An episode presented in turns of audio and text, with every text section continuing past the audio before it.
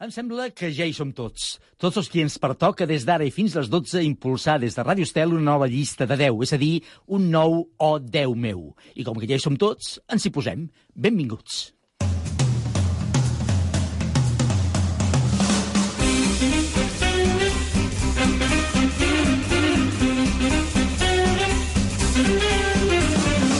Oh, Déu meu, de dilluns a divendres d'11 a 12 del matí a Ràdio Estel.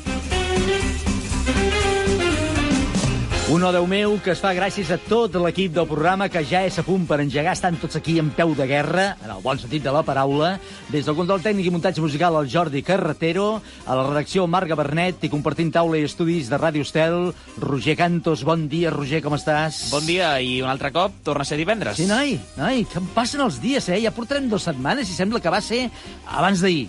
Va dir abans Sí. d'ahir, eh? És veritat, eh? Sí, sí, sí, torna a ser divendres i és que ens mengem les setmanes, que és un gust. Això de les llistes de 10 fa que el temps passi molt, però molt, però molt de pressa. Els programes, Miquel, passen volant. Ui, que, que poètic t'ha quedat, això, eh? Molt sí bé, molt bé. estic molt poètic. Doncs vinga, passen volant, que no ens enganxi el toro. Comencem.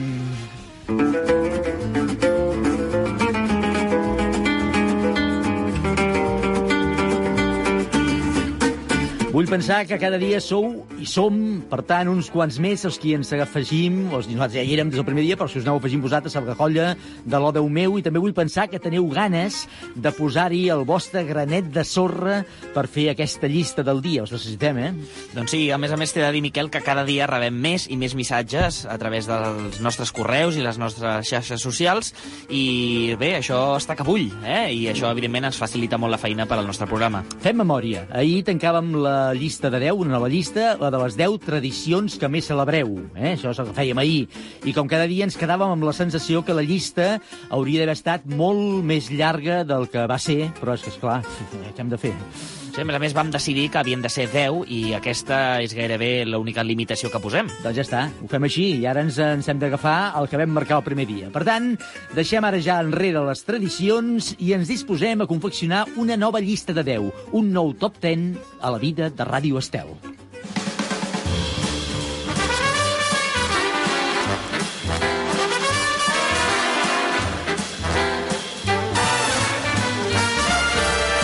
I avui passarem de les tradicions a la tele. Uh, avui anem a la tele, anem a la tele. Va bé? M'agrada, m'agrada molt Sí? la tele a mi. Sí? Sí. Veus molt la tele, tu?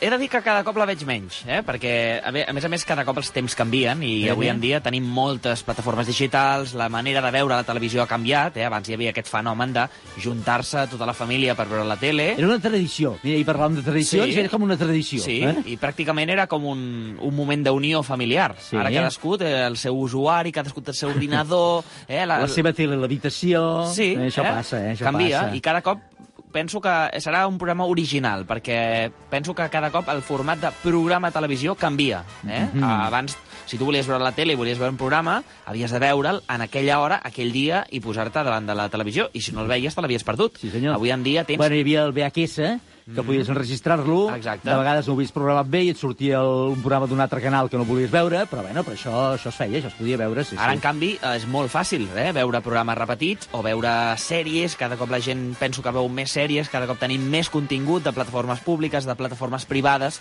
És a dir, que serà un programa interessant per veure si la gent es queda amb aquests programes del passat o els programes que avui en dia i els nous formats que avui en dia apareixen. Tot, si te- si t'escolten de Netflix o de Amazon, això, televisió, et contracten per, per fer de comercial dels seus canals. Doncs ja ho saben, o Déu meu, arroba radioestel.cat.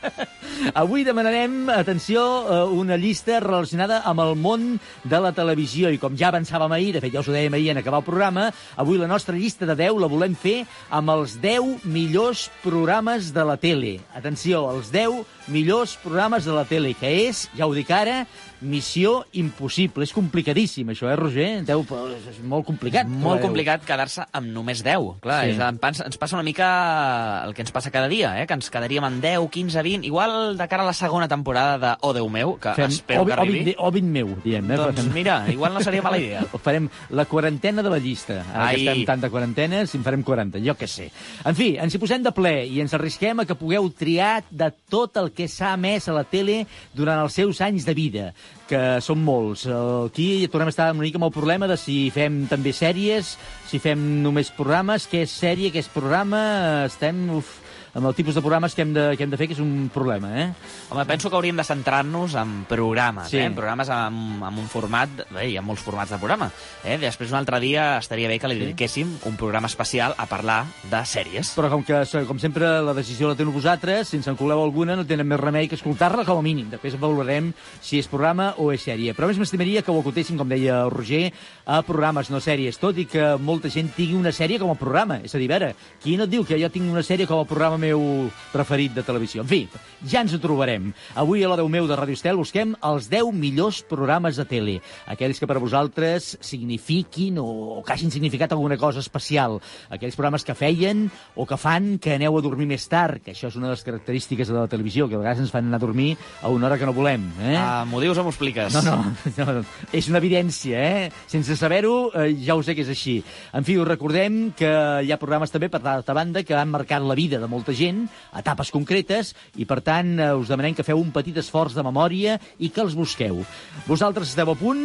Doncs nosaltres ens sembla que sí. Abans, però, com cada dia, el Roger ens situarà en el punt de partida de la llista d'avui i ens n'explicarà quatre coses.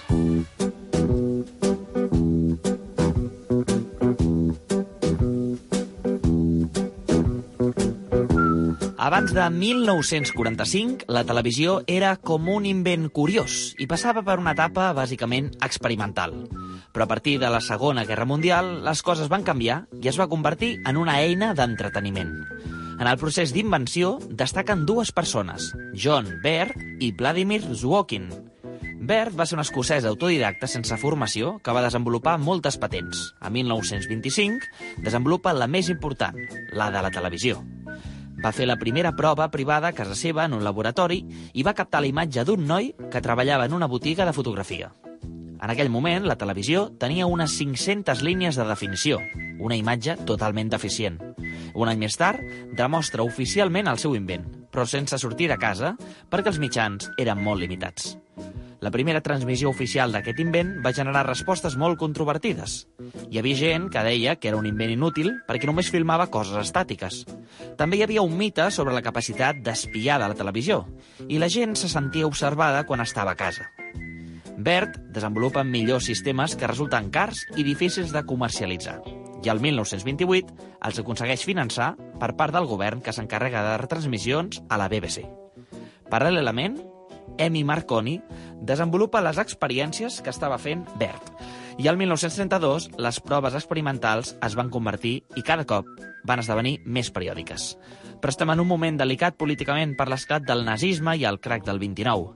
I aquests fets provoquen una pobresa generalitzada i la gent no compra aparells de televisió. Ja el 1936, el govern alemany del Tercer Reich va començar a transmetre les Olimpíades de Berlín. Aquest esdeveniment va servir com a propaganda política. I aquest avenç va arribar fins a Anglaterra, la qual va proposar que es fes una televisió pròpia, la que va acabar esdevenint la BBC. La BBC va començar a retransmetre tota mena d'actes, però després de l'esclat de la Segona Guerra Mundial va aturar la seva missió. Cal mencionar una història que s'explica, i és que quan van parar les emissions es podia veure un capítol de la sèrie Mickey Mouse, i quan set anys més tard es va tornar a emetre, també va sortir un capítol d'aquests dibuixos animats per la televisió. Per la seva banda, a Berlín les emissions no es van interrompre, de manera que els programes servien per animar els soldats que estaven tristos. Fins al finals de la dècada dels 80, només hi havia dues cadenes de televisió al nostre país. I no va ser fins al començament dels anys 90 en què van aparèixer les cadenes privades i es va diversificar l'oferta televisiva. No sorprèn que partits de futbol importants acaparin bona part de les emissions més seguides de la història fins l'any 1993, l'any en què va començar a mesurar-se les audiències. Però també hi ha espai per algunes sèries, realities i programes musicals. Avui us preguntem quin ha estat el programa de televisió que més us ha atrapat. Quin és aquell programa que us ha fet seure al sofà amb tota la família per gaudir-lo? Prepareu el sofà i agafeu el comandament de la televisió, perquè aquí comença Oh, Déu meu! Oh, Déu meu, de dilluns a divendres d'11 a 12 del matí, a Ràdio Estel.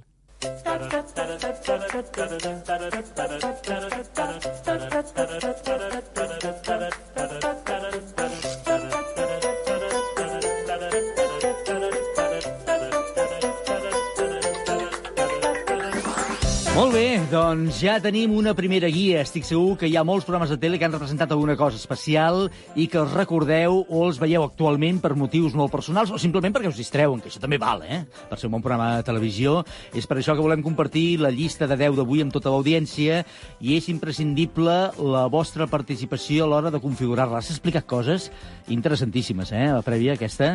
Eh, m'ha agradat molt, m'ha agradat Oh, molt. Sí, sí, gràcies. sí. No, no, t'ho dic de veritat. A més a més, eh, eh, hauríem de fer... Ara el Jordi Carretero em feia una, una puntualització que estaria bé eh, un homenatge a tota aquella gent, entre els quals m'hi trobo, Mm. ja sé que una altra vegada torno a delatar eh, part de la, meva, de la meva edat, aquells que en un moment donat, com volíem canviar de canal, ens havíem d'aixecar del sofà o de la cadira, anar fins a l'aparell de televisió i prem el botó perquè això del zapping és un invent moderníssim i el comandament a distància és una cosa que és un privilegi, eh, però abans ho feies amb una escombra que ni se'ns havia És acudit. el que t'anava a dir. Ni Sempre hi havia acudit. el sistema del pal d'escombra. Potser, eh? potser, potser, potser algú ho feia, eh? Jo a mi no m'havia acudit mai, o t'aixecaves, entre d'altres coses, perquè de canvis tampoc no n'hi havia gaires possibles. Era o l'una o l'altra. I no n'hi havia més. Era o la 1 o la 2, com tu has dit molt bé, eh? fins als 90 que van arribar a les privades. bueno, abans, una mica abans, fins a la veritat que va arribar a les públiques a Catalunya TV3, és veritat, sí.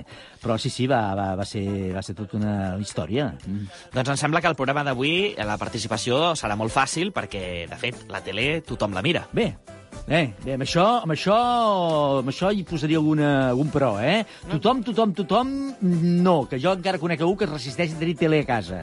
En conec, eh? Per tant, no, no m'ho estic inventant.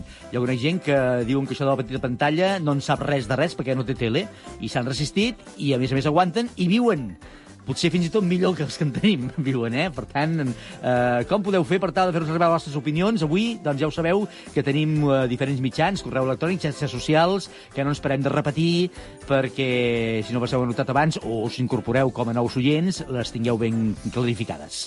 Doncs és molt senzill. Ens podeu trobar a les xarxes socials, buscant-nos a Instagram o Facebook, amb el nom del nostre programa, que és O Déu meu, o bé a través d'un correu electrònic eh, enviant-nos-el a odeumeu arroba radioestel.cat. Molt bé, i també recordem entre tots que, eh, que entre tots els que hi participeu sortejarem un lot de vins Lovers Wine Elegance, entre els quals hi trobareu el, P, Pepe Rubianes. Uh, però fins al final del programa no sabrem qui és aquest guanyador, fins al final del programa, per tant, teniu temps encara de fer-nos arribar les vostres opinions per la llista de 10 d'avui. Atenció, la de les 10 millors programes de tele. I com que hi ha gent que ja s'ha manifestat, sobretot quan el Marc Gabernet els ha saltat gairebé pel carrer, anem a recollir les seves aportacions, que són aquestes. Los viernes por la noche en Antena 3, porque para mí combina todo lo que tiene que ser los ingredientes principales de un programa de televisión. Humor, entretenimiento, alegría, tristeza, emoción, show, música y al final también hay un poco de aprendizaje. Estic entre Polònia, de TV3, i Forjado Fuego. A Polònia perquè és un programa d'actualitat i de sàtira política que no té preu, i Forjado Fuego perquè és un programa de recreació d'armes històriques que ningú es pensa que pot enganxar, però al final acabes convertint-te en tot un expert i vivint-ho a tope. Operació Triunfo. Més que res perquè té com tots els factors perquè m'agradi. Té, per una banda, el factor musical. A més a més, té el factor de que pots empatitzar moltíssim amb els personatges i pots veure'ls créixer eh, des de que no són gairebé ningú a la cua d'Operació Triunfo fins a que es converteixen en el que acaben sent. I a més a més pots això, seguir l'acadèmia, el dia a dia d'aquestes persones i empatitzar moltíssim amb ells. Oh, Déu meu!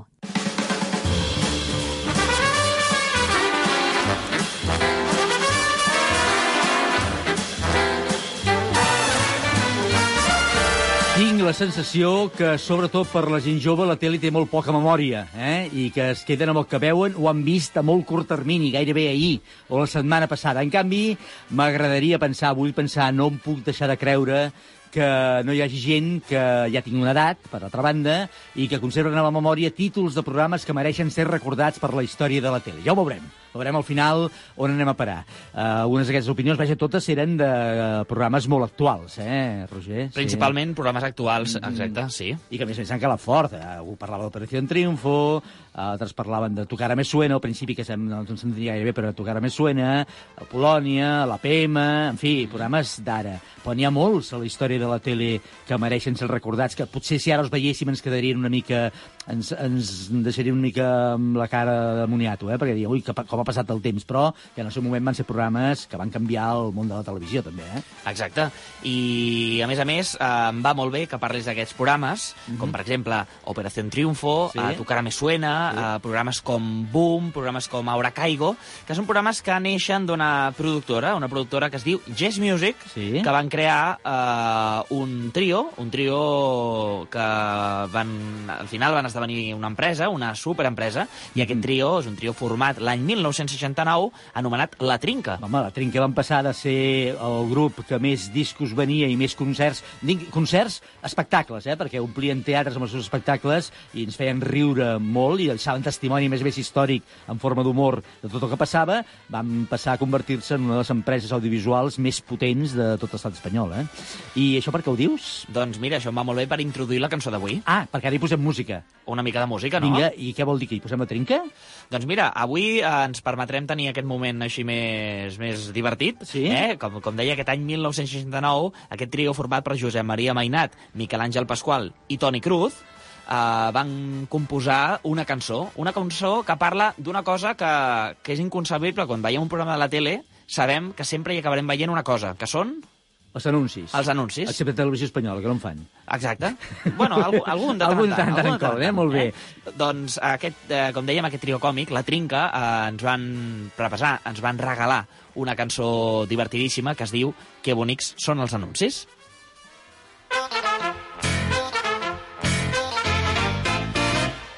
Que bonics són els anuncis que fan a televisió. Que boniques les músiques, quin poder de persuasió.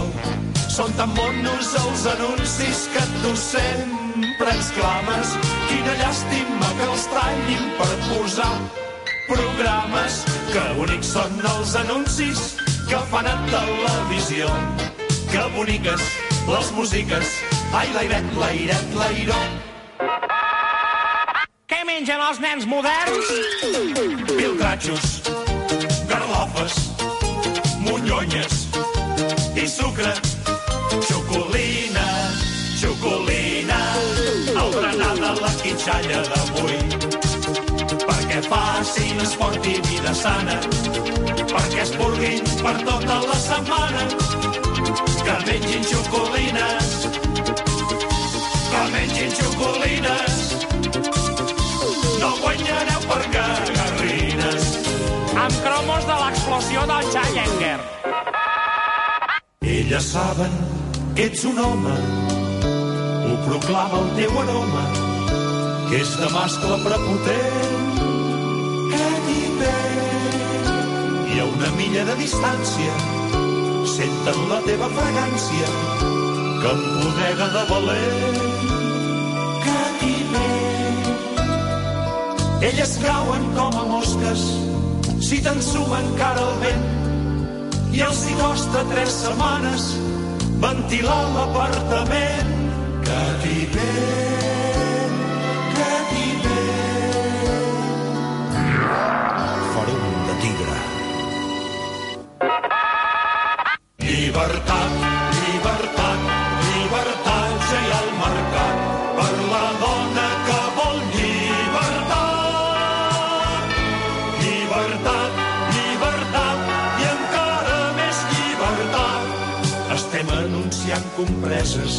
ja te n'hauràs adonat. Llibertat, llibertat, llibertat.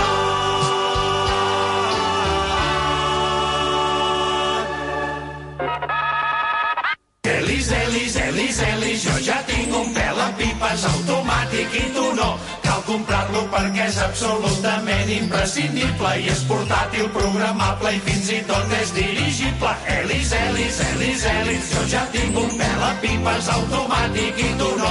Ja ho veuràs, tu també te'l compraràs. Pelamax, les pela ben pelades. Que bonics són els anuncis que fan a televisió.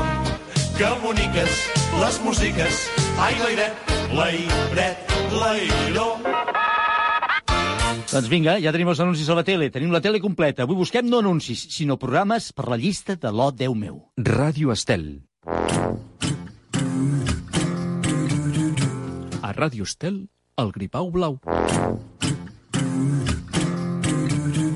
Cançons, contes i entreteniment per tota la família.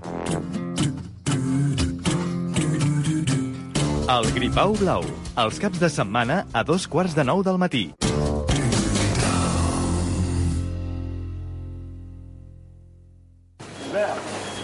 I tu, quan escoltes la ràdio? Doncs sobretot els caps de setmana. Preferències? Estel, cada cap de setmana, Ràdio Estel.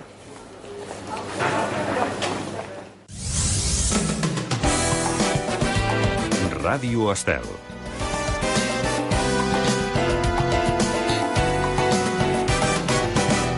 Oh, Déu meu!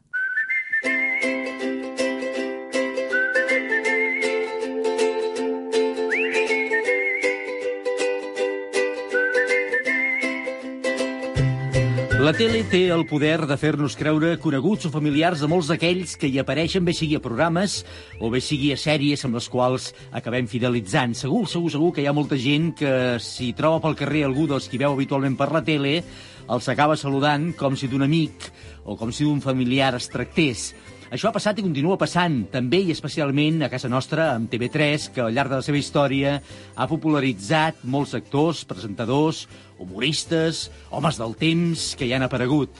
Avui ens visita un actor que, a banda de moltíssimes altres coses, va convertir-se com de la família gràcies a una sèrie que era l'excusa perfecta per un debat posterior que TV3 va fer fortuna de la mà de Joaquim Maria Puyal i que va ser la sèrie La Granja i el programa La vida en un xip. En aquella sèrie, el Joan, taxista, amb el seu bar, La Granja, l'interpretava Xavier Serrat. Xavier Serrat, bon dia i moltíssimes gràcies per acompanyar-nos avui. Bon dia i gràcies per convidar-me.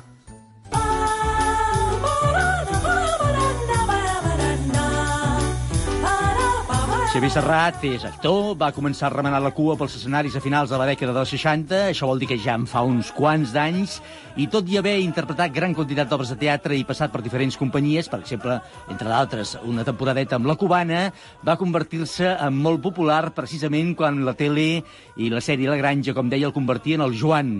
A veure, fem càlculs i ens surt, eh, va, a mi em surt, eh, eh, que si no està jubilat, poc li falta. Però no, jubilat no ho estic. No, molt bé. Anava a dir, però tot i així hem pogut veure que fins fa no gaire setmanes estava al teatre, estava al Teatre Borràs amb la nova versió del Pel davant i pel darrere, per tant, jubilat o no? No, eh? No, jubilat no, pensionista sí. Pensionista. Ah, molt bé, o sigui, és pensionista però no és jubilat. No, jubilat no. Estàs jubilat no treballes. Clar. Jo treballo, mm. -hmm. però cobro una pensió. Però això és legal? Oh, i tant, legal. Sí? No, no, però bueno, pregunto, no ho sé. Home, i per- treballa i cobra jo, una pensió. No, jo tinc sí. un pacte. Ah, té un pacte. amb l'Institut Nacional de la Seguretat Social, aquest Sí. allò, en el qual cada mes em revisen si m'han cotitzat o no m'han cotitzat. Ah. I si m'han cotitzat, m'envien una carta i diu, em deus tants diners. Ah, molt bé. I aleshores jo els hi torno els diners de la pensió i treballo.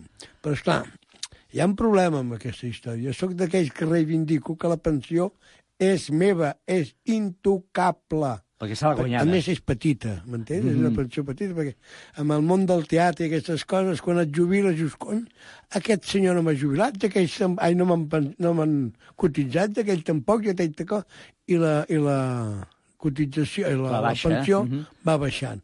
I com el que val són els últims 15 anys, quan tens una edat, el treball també en la nostra professió va baixant. Bé, en total, jo sóc d'aquells que dic la pensió és intocable, si vols del nou que tot treballo, cobra'm el 40 o el 50%, però de la pensió no me'n toquis ni un duro. Però no ho veig així, què hi farem? Veig que es podria dedicar més a ser actor, a ser gestor gairebé d'actors ara mateix, eh? No, no, no, no, no, Ah, jo no. prefereixo ser un actor. Eh, Això que jo deia ara al principi passa, no? Vull dir que quan interpretes un personatge en una sèrie com va ser La Granja, de gran audiència, la gent acaba dirigint-se a tu com, com si fossis de la família. Sí, sí que passa. I encara... Encara ara? Encara certa gent de certa edat, eh? Mhm. El jovent, gens, no? El jovent gens, però mm, jo recordo que abans que no em deien sentia Joan, ja em girava també. Sí. I sentia Javier, també em, gi- em girava, no? Però molta gent confonia la, la, la, la, la, realitat, la, la, la fantasia o la, la, ficció, sèrie, sí, sí. la ficció per, per la realitat. A mi em preguntaven que em deien que no deixés el taxi, que no el fotés en, en, fa, en fàbriques de nines. Em deien una sèrie de coses in- increïbles. I aleshores- Però està bé, no? També té, té gràcia, no? Té, Molt bé. té Però quan, quan va començar, a finals de 60, sobretot fent teatre a les escoles en aquell Sí. moment, eh, poc s'ho devia pensar que un dia acabaria sent gairebé el taxista més popular de Catalunya, perquè en aquell moment ho era. Sí, els taxistes no em cobraven. De veritat, no li cobraven? Hi havia taxistes Era del gremi, eh? Era del gremi i no em cobraven. Hi havia... No, home, no, paga, i, però no em volien cobrar, no. Mhm. No, no, tu ets del gremi, no sé què. No, no, no, no m'ho pensava. Vull dir, el teatre era la meva professió. Havia fet alguna coseta a televisió espanyola, Mhm. eh, allò que em deien eh, la televisió, les novel·les, les sèries que feien en català Mhm. els dies de cada dia per televisió, per TV2, em sembla que era. Mhm. Però no, no, Llavors no, era no. el circuit català, de El televisió circuit, espanyola. ca- exacte, Aleshores, el, deia sí, així, el eh? circuit català. No, però no, no, no ho creia, amb el teatre en tenia prou. I fins i tot feia molt teatre infantil, no? Mhm. Feia teatre per canalla, i anàvem per escoles. I jo diria que de la companyia de teatre La Sínia vam ser els que vam fer la prova, allò que en deien la, a la caixa a les escoles. Sí. I que les, les companyies anaven a les escoles a fer teatre. Vam ser, podríem dir, la, la, Els la, pioners. la, sí, els conillets índies, no? Vam ser els primers, no? I va funcionar i aleshores va, es va muntar tot el, tot, tota la xarxa, com si diguéssim. Però no hi pensava mai en, en, en, en aquesta història. Fins que un dia em van venir amb el blanc o negre. Sí, el programa amb el- presentava Salvador Sius, Exacte. perquè la gent que té una certa edat ho recordarà. El, el blanc o negre, amb el Lloll Bertran. els si no- pingüinos, eh? els Sí. pingüins, no? Teníem la Lloll Bertran, hi havia un grup, érem un grup que fèiem els esquetxos, no? I allà hi havia el Jordi Milan. I el Jordi Milan, doncs, va, va, vine que ets cubanero, vine a la cubana, vine... i vaig anar a la cubana. Per, per poc temps. I allà a la cubana es posava tangues i coses d'aquestes que posen a la cubana tan sovint o no? Amb molt, sí, sí. De Ah, sí? vegades. Sí, eh, però Hi ha fotos En d'això? aquella època, no. Ah, en aquella època jo tenia bon tipus, eh? Bueno, jo no he dit que ara no, eh? No, no, No, no, no, no, ara tinc panxa per davant i panxa per darrere. O sigui que tinc molt de cul i molta panxa. Però no, en aquella època estava per de bon veure, eh? De bon veure, tenia... Vaja, que tenia èxit entre, entre el sector femení, això vol dir. Sí, Sí. sí, a més era un solter grandet. Era un madur interessant. Era- sí. Ara es diu madur interessant, Ah, això. madur no, inter- solter grandet no. És una denominació que no ven res, solter grandet. Ah, madur és interessant. sí. Bueno, i ara sóc un casat molt més interessant. Ara les sèries de televisió, les sèries de ficció ocupen eh, molta part, gran part de les graelles de les televisions, però a finals dels 80 i principis dels 90, que és el que estem parlant quan parlem de la granja, eh, quan va triomfar aquesta sèrie, Sí, sí. de sèries i sèries en català, se'n feien poques coses, algunes coses que havia fet, com vostè deia, televisió espanyola, Sí, però a un altre... Un, Era allò que fe- era una sèrie setmanal, com Sí. sí. si diguéssim, no? Que durava, tenia cinc capítols i coses, Mhm. i a vegades n'hi havia alguna de deu, però normalment eren cinc capítols. Però, eh, clar, era una, la Granja va ser, podríem dir, la primera sèrie que va ser setmanal i que va durar, que va fer cent i pico de capítols. Mhm. I vulguis o no, era, era molt actual en aquell moment. Sobretot al començament, els primers, dos primers anys. Jo recordo que els dos primers anys gravàvem dijous i divendres i sortien els diaris del dia. Mhm. I la gent es pensava que allò era en directe, que la granja... Clar, és normal que la granja existia. El problema el tenien els editors, els, els que tenien que, que, que editar la, La sèrie? la eh? sèrie, no? Perquè aplegàvem a les dues del divendres al migdia i, i a quarts de deu Ja s'emetia. s'emetia, no? I, i t'anaven bastant de bòlit. Era, va, ser, va ser, com, com vostè deia, una de les pioneres. Eh, n'hem après, se suposa. És a dir, quan dic n'hem après, vull dir el país, la indústria, eh, n'ha après, els telespectadors també n'han après de veure sèries. O sigui, ens hem educat tots en el món ara de la ficció. Sí, jo penso que la granja va ser, dins de, dins de la, la qüestió de gravació de, de la sèrie, va ser pionera agafant un, un estil que era l'anglès i l'australià, que era que el, el, el, que, que el que manaven els actors, l'acció. I aleshores, una vegada fèiem l'acció, pujaves les càmeres. I això Lluís Maria Güell ho va tenir molt clar i en vam, bueno, molta gent ha après el Lluís Maria. Les sèries actuals que es fan de TV3 són així una mica, eh? Mm -hmm. Van agafar aquell patró, Que, eh? aquell estil, sí, sí. No? Avui busquem uh, l'O10 meu de Ràdio Estel, la llista de 10 d'avui, busquem les 10, els 10 millors programes, no sèries, avui no parlem de sèries, però eh, com que la Granja, a més a més, estava immersa en un programa de gran èxit, que va ser La vida en un xip, avui busquem els 10 millors programes de televisió. És una pregunta ja ho entenem i ho diem molts dies, una mica absurda, perquè com es, no se'n pot triar només un de programa, és molt difícil, eh? Però quin seria, ara posaré entre l'espasa i la paret, eh? quin seria el seu programa preferit o aquell amb el qual al llarg de la seva vida diu és que aquell programa me'l quedo i no em, eh, i continua estant a la meva memòria? Complicadíssim, això, eh? Molt complicat. Sí. Clar, jo, per exemple, la vida d'un xip era un programa extraordinari. Però, en canvi, no, no, no deixaré el, el Filiprim. Clar. El Filiprim era un, un, un, que era el que enganxava el programa, el Filiprim, era el que enganxava pel telenotícies. Les notícies, la prèvia de les La prèvia, eh? o sigui, la gent s'enganxava al Filiprim per després continuar amb, el, amb les notícies.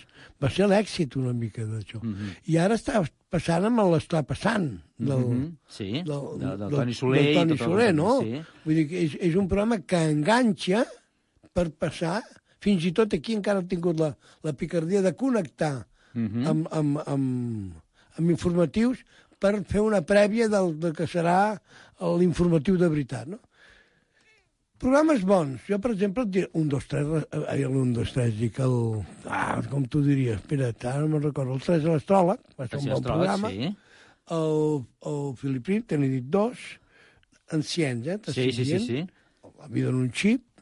El Tres Pics i Repicó. També, eh, sí. senyor Murga, vostè. Sí, va no, ser. No, no, no, No. puc negar-li. Molt bé. Jo, jo em guardo un molt bon record del, del Blanc o Negre, Mhm. encara que durés poc. Està parlant de la mateixa època, eh? O d'una mica èpoques contigües, eh? Una És mica... que en aquella època hi havia aquells programes, concursos, que eren, que, que eren, que eren molt importants. Que eren espectacles, gairebé. Eren espectacles, Mhm. no?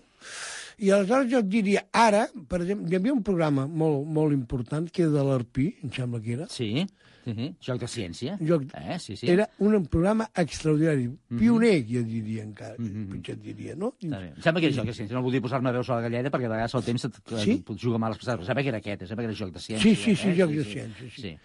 Etcètera. Jo, Ja, jo molt t'he bé. dit una Molt colla de no, no, no, no, programes, no, eh? Però són d'aquella època, eh? Sí, tots d'aquella època, ja ho Eh? veig. Eh, Ara, ara, ara, ara què mira, per exemple? Jo vols que et digui la veritat que miro... No em digui els documentals a la 2 i els informatius perquè és No. un tòpic i un típic que després és mentida perquè els documentals a la 2 no surten mai a les audiències. Si us mirés tothom Miri, que ho diu, estarien mira, líders. M'he enganxat bastant, ara amb crims. Amb crims m'he enganxat molt. Sí? En crims. Crims, eh? Mm De, del Porta. -hmm. Està a cavall entre la ficció i la, i la, i la realitat, eh? Exacte. I aleshores el que faig és a buscar Netflix i tot això. Netflix? Netflix, Netflix, aquestes, ah, aquestes, molt no, com es diu. Molt bé, sí, va, sí, sí, sí, Netflix. Ho he sí, dit bé? No ho sé, no ho sé, sí, està bé, està bé. Home, ah, no, és que m'ha agradat molt. Va, vaig buscar Netflix, i m'ha agradat molt el de Netflix. Busco alguna sèrie d'aquestes. Per exemple, l'última que em vaig veure de- de- d'aquesta casa doncs va ser allò del... El, el, Aquesta casa es vol dir TV3. The Crown. Ah. Ah, de Netflix, vol dir. Eh? Sí, sí, sí. Jo sé, Crown, sí, allà sí. és una sèrie Sí, sí. extraordinària. Que s'enganxa, s'enganxa. Eh? Enganxa, no? Molt. Un, tornem a l'actor. eh? Un actor serveix per tot? Vull dir, aviam si m'entendem. si serveix per fer tele, això, serveix per fer cinema, serveix per fer teatre, o hi ha Sí. actors de teatre, de cinema No, no. i de televisió? L'actor ha de ser servir per tot. El problema és que hi ha actors que no serveixen per tot. Ha una cosa Hauria de servir per tot. Doncs. Hauria de servir per tot, no? Un actor hauria de saber doblar, un actor hauria de saber teatre, un actor hauria de fer televisió, cinema, important. Ràdio, perquè la ràdio per mi és el teatre total. Sí? Perquè, sí, home, amb la veu ho has de dir-ho tot, ho has de fer. És la imaginació. El gran problema que tenen avui en dia la ràdio és que els, les figures radiofòniques volen sortir que la gent els conegui i perd tot l'encant Ja. perd, perd tot l'encant. O sigui, la ràdio hauria de, hauria de ser misteriosa. La gent no... que s'imagini com és aquella persona que li està parlant. I no és així, perquè volen sortir per les fotografies constantment. Què més et vull dir? Aviam. Uh, uh, L'actor, per exemple, jo, jo, per exemple, he tingut mala sort amb el cinema. Sí? No, no n'he fet, de, ci- he fet cinema, però no he tingut la meva pel·lícula. Entens? Encara que he fet pel·lícules en el qual la gent m'ha valorat. Televisió n'he fet bastanta, teatre n'he fet molt, molt, ràdio n'he fet, i doblatge també. Per tant, estic complert. Tarat,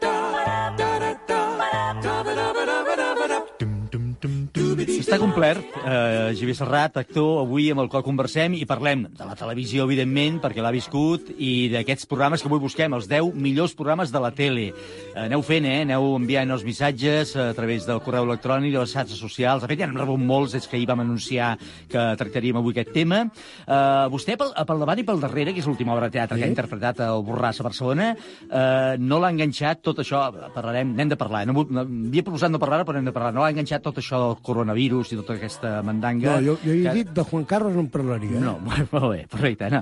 Ja par parlem de la malaltia, però ja veu, que, ja veu que està passant.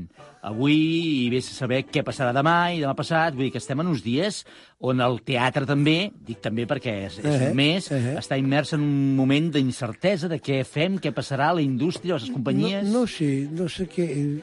És una cosa molt estranya, perquè, clar, uh -huh. si és una grip, una grip més dura, tot el que vostè vulgui, però penso que la grip normal i corrent a Catalunya s'han dut més persones pel davant que no pas aquest del coronavirus. Vull dir, uh, un pan, jo no... Veig desconcertat com gairebé tothom, sí, eh? Sí, ara jo, es pot que li diu una cosa? Mm. Això és culpa dels americans. Sí? Sí. Per mi, la Xina econòmicament estava molt bé i anava pujant, pujant. Havien de frenar aquella economia xina i els han infectat amb això. I aleshores, a partir d'aquí, ha vingut tot. L'economia xina ha paralitzat, Europa s'ha paralitzat i els Estats Units campen. Bé, una teoria. No, no, no, no faré res ni per abonar-la ni, ni, No, no. per, ni per descartar-la. No, no, no, està bé, està bé. Ho, ho he somiat. Ho ha somiat molt bé, home. A vegades els somnis, a vegades els somnis... Escolti, n'ha fet molts papers a la vida, molts, molts. Però quin li queda per fer? Quin és aquell que li agradaria fer i que encara no ha fet? No em digui Petit Príncep perquè ja no el podrà fer, aquest. No, no. no. Però És a dir, bé, sí que ho podrà fer, però... Mai Mai, sí, sí, al teatre tot eh, s'enganya molt. Però quin és el paper que li agradaria fer ara? No sé quin paper m'agradaria No en té un, un dependent que sempre digui, m'hagués agradat fer aquell o no? no? No, no, vol que li digui una cosa? El, el, el, el que tenia el que moltes ganes de fer l'he fet, l'acabo Sí? de fer. El per davant i pel darrere? Sí, perquè quan vaig, vaig, van estrenar el 86, em Sí. sembla que va ser, pel davant i pel darrere, vaig veure aquesta obra i vaig veure el Felipe Peña. Felipe Pinyà que feia, sí, sí. I aleshores vaig dir que aquesta obra és extraordinària. Que en aquell moment no podia fer cap... Podia fer el director, però no podia fer ni galant, ni de... I dic, eh, jo quan sigui gran vull fer aquest paper. Sí. I mira, I està tocat. gran, és gran, M'ha tocat. i li ha tocat fer aquest paper. M'ha tocat. O sigui, el, el pendent l'he fet, com si digués. Bueno, m'agradaria fer un protagonista cinematogràfic. Sí? Sí, m'agradaria Mhm. fer-lo. Veurem si, si el, encara encara puc fer-lo, perquè Mhm. pel·lícules amb gent gran doncs es fan. Per tant, igual ho faré en cadira de rodes, jo què sé. Mai se sap, no? Però és el pendent que tinc. Un protagonista Cinematogràfic, molt bé. Que ens escoltin els productors cinematogràfics del país, eh? que veure. tenim aquí un candidat, a més, un bon candidat, una, sí. una bona proposta. Ara les sèries de televisió, la ficció, es fa es fan tot, tot d'una altra manera de com segur quan... Ara parlàvem de la granja, que era als anys... A principis dels 90, a finals dels 80, principis dels 90, la tècnica ha avançat molt i diuen que a Catalunya, i per extensió tot Espanya, diuen, es parla que es fa bona ficció. Sí. Vostè ho pensa, això, també? Sí, sí, sí, sí, sí que es fa bona ficció. I a més es treballa ràpid i es treballa bé. No, sí, jo vaig... a- Sí, sí, i a més hi ha bons càmeres, bons directors, bons... Eh, sí, sí, hi ha bon professional. Mhm. I es fan molt bones sèries. Vostè, hi ha una cosa... I, és- i d'aquí a Catalunya n'han après a Madrid. N'han après No ho molt. digui gaire fora, això, que les tomacaran, No, no, eh? no, de, de, de, de Catalunya... Hi ha molts catalans que estan treballant a Madrid, Sí, mhm. però molts, eh?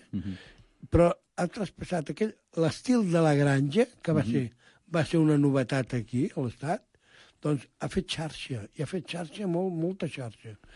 I bé, i, i- però també és un pecat, això, pels actors, eh? Mhm. Perquè aleshores fan aquell naturalisme Mhm.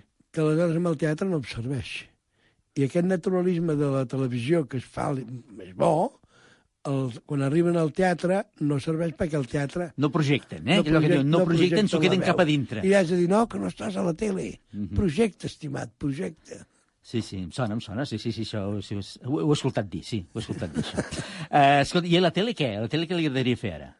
A la ja, tele? ja que estem posats a... Escolti, Home, ja no, vol fer un protagonista d'una pel·lícula, Home, el sí. teatre ja ha fet el paper que volia... Sí, però és que... eh, però, i, això i a la tele normal, què? no? Na, sí, per exemple... he, fet, de- he fet de protagonista en una sèrie de televisió. Ne, Sí. Dos. Amb dos sèries de Sí. televisió he fet de protagonista. Amb la Lola, recordem-ho Amb també, la Lola, sí. eh? si no era protagonista No, total, era, no. era dins. Però amb el Joan de la Granja, però ara, no sé, no sé, amb la televisió... Mira, vol que li digui una cosa a la meva edat ara, que volia Sí. la televisió? Doncs una sèrie Sí. que tingués que treballar un, dos dies a la setmana... Clar, que el vinguessin a buscar en taxi i- a casa i anar i anar. i que i, i, No, i i- mentre I muntéssim a viure. esmorzar. I viure. No, a molt bé. bé. viatjar. Jo, quan em vaig casar, només vaig tenir quatre dies, què dit, tres dies Mhm. de, de, de, de, de viatge de noces, perquè estava doblant una sèrie de televisió, Mhm. una sèrie infantil. I, és clar no podia marxar. I em van dir, sí, eh, tres dies, eh, i torna, immediatament. Però va fer el que havia de fer en aquells tres dies, va, va, Bueno, sí, va- complir, sí, va- eh? va- bé, vaig perfecte, ja encertar-la a la primera. Molt bé, perfecte. Però- Escol, escolti'm una cosa, i, i per acabar, perquè hem, hem d'acabar. Uh, ara, si, eh, ja que parlem de televisió, eh, deixi'm-ho dir, ja sé que m'imagino que em dirà, però o no. Ara, imagini's vostè que algú d'aquests de, de Telecinco, que ara no sé com es diu, Mediaset, no sé com es diu, el veuen i diu, mira, aquest senyor que va ser actor i que a més va, ha fet coses i a, a Catalunya el coneixen molt i tot això, cridem-lo perquè vingui aquí els supervivientes, que això, què? Eh, eh, no, boig vostè. No, no, pregunto jo, què sé, diu que paguen molt bé, eh? Allà, amb la Isabel Pantoja i el, i el no sé eh, qui, ah, no sé qui, era, no, no. Està, boig, jo No. vull viure bé ara. Vull dormir en un matalat. No, vull això no, allà no, allà no. Ah, vull Allà no. dinar, vull... ma- Ja vaig ser millor, escolta, jo, però no, no, ja, ja m'ha passat això a mi, escolti'm. No, no, què vol, que paguen molt bé? No ho sé, diuen, no ho sé, potser no tant, eh? Vigili, vigili, ah, Sí, potser no tant, potser no vigili, tant. Vigili, vostè ha de firmar un contracte i t'obliguen a quedar-te, eh? Si te'n vas encara els has de pagar. No, no Doncs m'atabalis. deixem-ho, deixem-ho, no, esborrem-ho, això. Avui tot buscant els 10 millors programes de televisió hem volgut conversar amb un actor que n'ha fet molta de televisió, que com ell deia ha fet molt teatre, ha fet cinema, ha fet ràdio, i ens ha agradat molt tenir-lo aquí a l'O Déu meu, a Ràdio Estel. Xavier Serrat, moltes gràcies i fins ben aviat. Moltes gràcies a vostè. Passi bé. Oh, Déu meu, cada dia una llista de 10 per enriquir la nostra vida.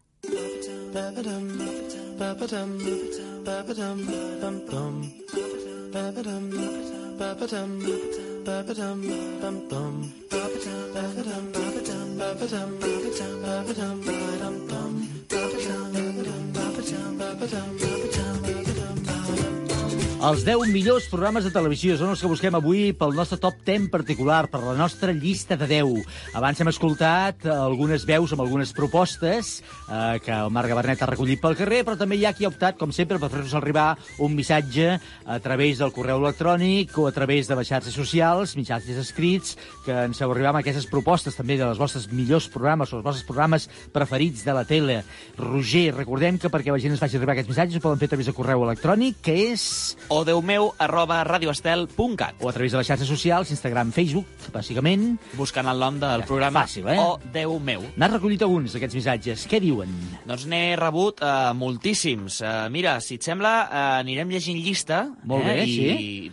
avui, igual, per anar més per feina, no, no diem el nom de qui ens ho ha enviat. Direct, Molt bé. Directament. El... Programes que ens han proposat, eh? Doncs mira, un clàssic uh, a TV3, un programa de una tertúlia de debat polític, el fax. Avui, avui, avui dir, actual, vull dir, d'avui Sí, dia, eh? exacte. Sí, sí. Després, mira, passem a un programa d'entreteniment que des de ja fa anys s'ha convertit en, en un programa amb molts i molts seguidors, Masterchef. Ens diuen també Masterchef. Té molts seguidors, eh? Té molt d'èxit el Masterchef. Sí, a més a més se n'han fet tres versions. Hi ha Eh? molts cuiners amb potència, aquest país, eh? Masterchef, tenim, tenim Masterchef Junior, Sí. aquesta versió per nens, Sí. i Masterchef Celebrity, Ah. eh? on s'ajunten doncs, una sèrie de personatges coneguts per, per competir, per posar-se a prova de valent. Falta que facin el Masterchef... Ai, Masterchef. Masterchef. Masterchef. Masterchef Ju- Jubilation. seria xulo, eh? Jubilation, llavors hi podem anar uns, uns altres. Sí, ja saps, jo encara no, ja saps que... Eh?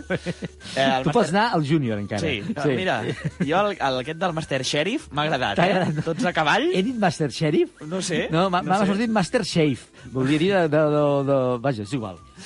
Va, vinga, més programes.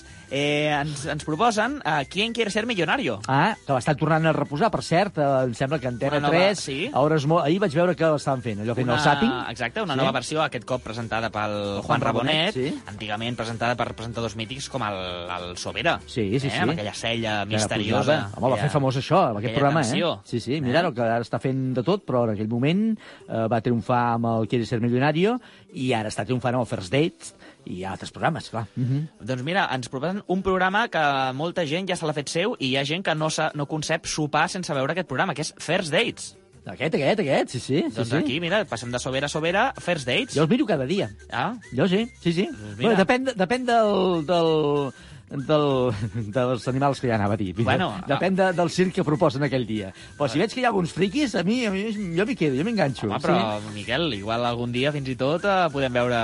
no Aquí, a mi? Bueno, no sé, eh? A mi no, home, no, ni boig. Bueno, bueno. No, no em veuràs mai. Jo sempre he dit...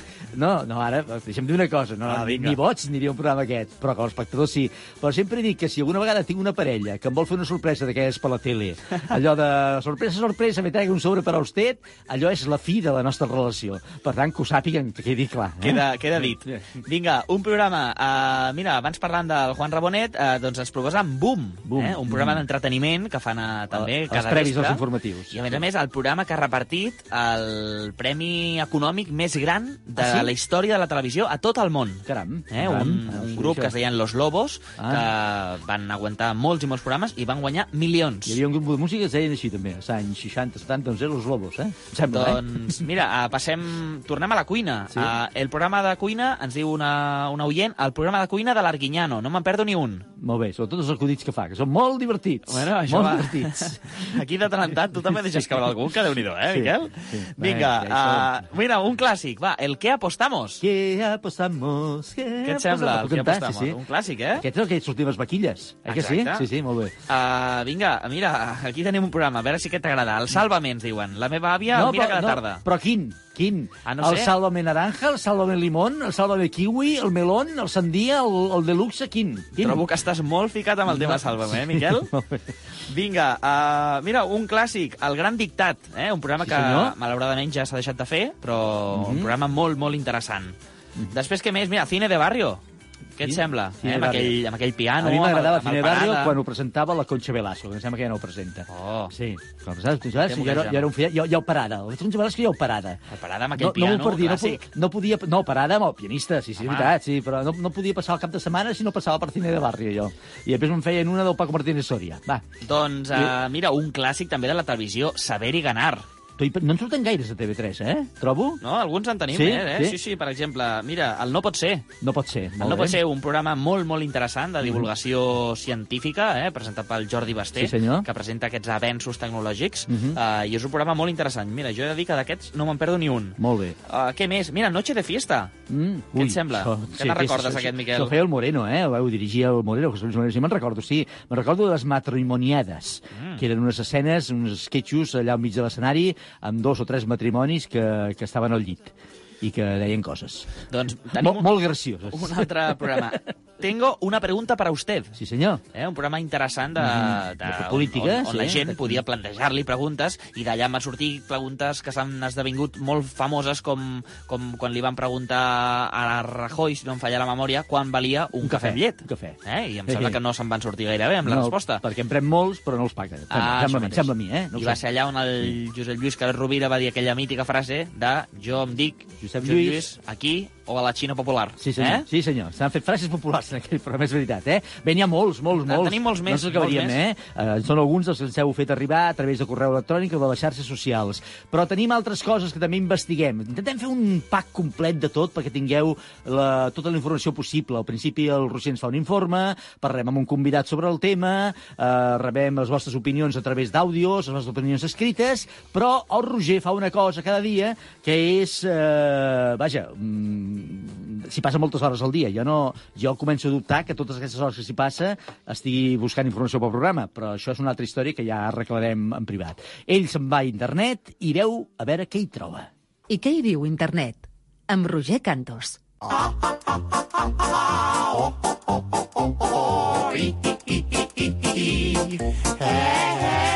I és que de la tele i dels seus programes en deuen dir moltes coses a internet, sobretot aquests fòrums de debat on tothom hi diu el que vol i de vegades s'hi diuen moltes, però moltes bajanades que més val no llegir, a vegades. Doncs, uh, Miquel, ja saps que a mi m'agraden molt les curiositats i avui t'emporto algunes relacionades amb la televisió, amb aquest invent que, que tantes hores i tanta companyia fa a tanta gent. Eh? Què faria Mhm. molta gent sense la televisió? Sí, senyor. Hi ha gent que... Que no sap viure. No, no, no. No, no? Eh?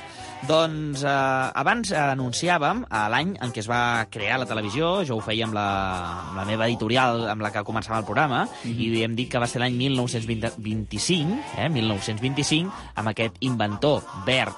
Doncs eh, va ser l'any de la primera transmissió televisiva amb la que es va transmetre una cara humana. Doncs eh, ara que ja estem situats, eh, t'he d'explicar que la, el promig de persones que viuen a Anglaterra. Veuen la tele una mitja de 4 hores al dia. 4 hores és molt, eh? Vaja, em sembla que és molt. Potser jo també les miro, eh? No ho sé. No, 4 hores em sembla que no, però 4 hores trobo que són... Uf, una mitjana de 4 hores vol dir que hi ha algú que no la deu mirar i que deu haver algú que deu despertar-se amb la TV i deu Deu dormir amb la mateixa tele, eh? Doncs el promig de nens americans veuen unes 13.000 morts a la televisió entre els 5 i els 14 anys. Uf, és molt, 13.000 morts, eh? En fi, se pot marcar la vida. Sí, bàsicament. Amèrica. Això és Amèrica, senyors. Una curiositat més divertida. Mira, aquestes m'agrada molt. Jo tot el que tingui a veure amb monos i micos em fa, em fa molt de riure. Per què em mires a mi? No, per res, per res. No, perquè no, no, molt... no, escolta, no, perdona. Que sí que ho sé. Que ho has, que ho has fet. No, has dit que que sí tot el que tingui a veure amb monos i micos m'has mirat a mi. Perquè, perquè ets molt mono. Va, gràcies, Eh? molt mico, sí. Bueno, va, va, sí. doncs mira, resulta que l'any 1995, a Benín, eh, a Àfrica, un mico va ser arrestat per robar l'antena d'una televisió. Un mico? Un mico. Va ser arrestat. No sé si va acabar la garjola o no, eh? però com a mínim el van arrestar. Un mico.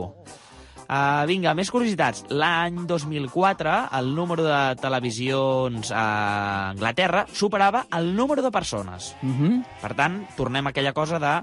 Hi ha gent que en té una per persona, eh? pràcticament to, cada televisió, una televisió, uh. -huh. i gent que fins i tot en té més. Més d'una, eh? Que va mirant dos programes alhora.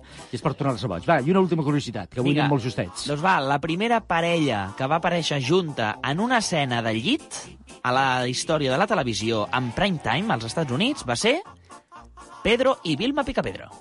Oh, Déu meu, de dilluns a divendres d'11 a 12 del matí, a Ràdio Estel.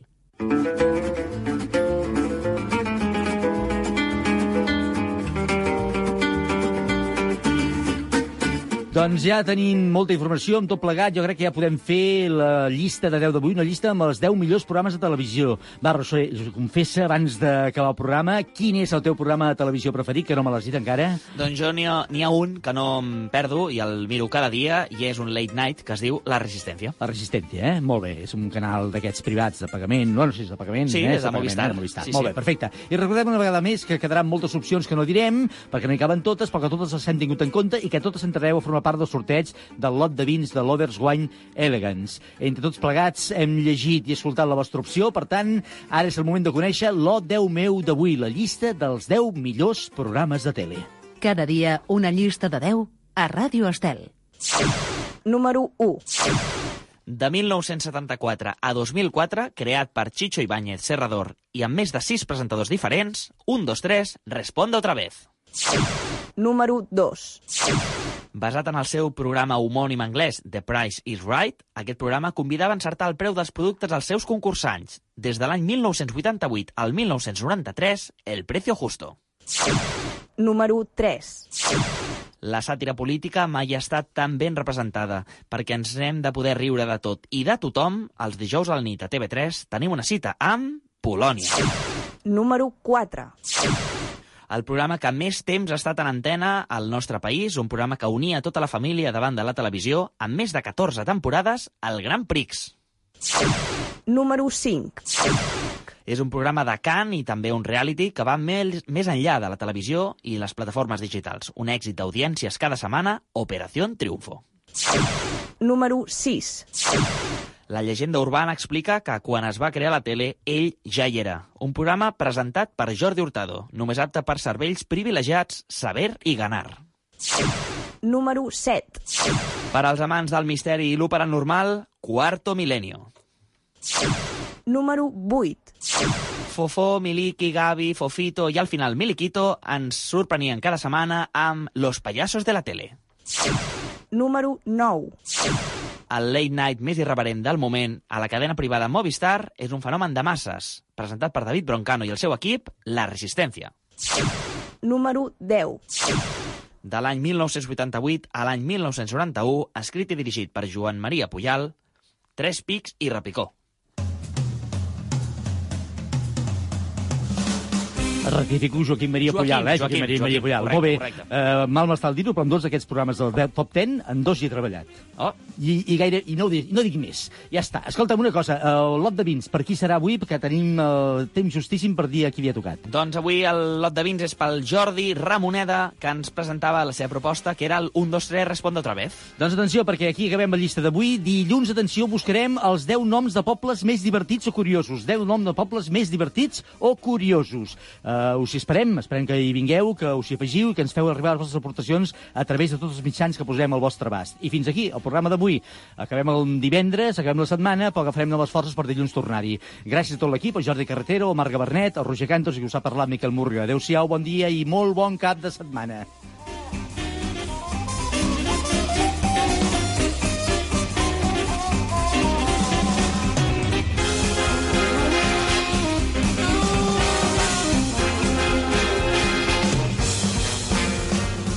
Oh, Déu meu, amb Miquel Morgà.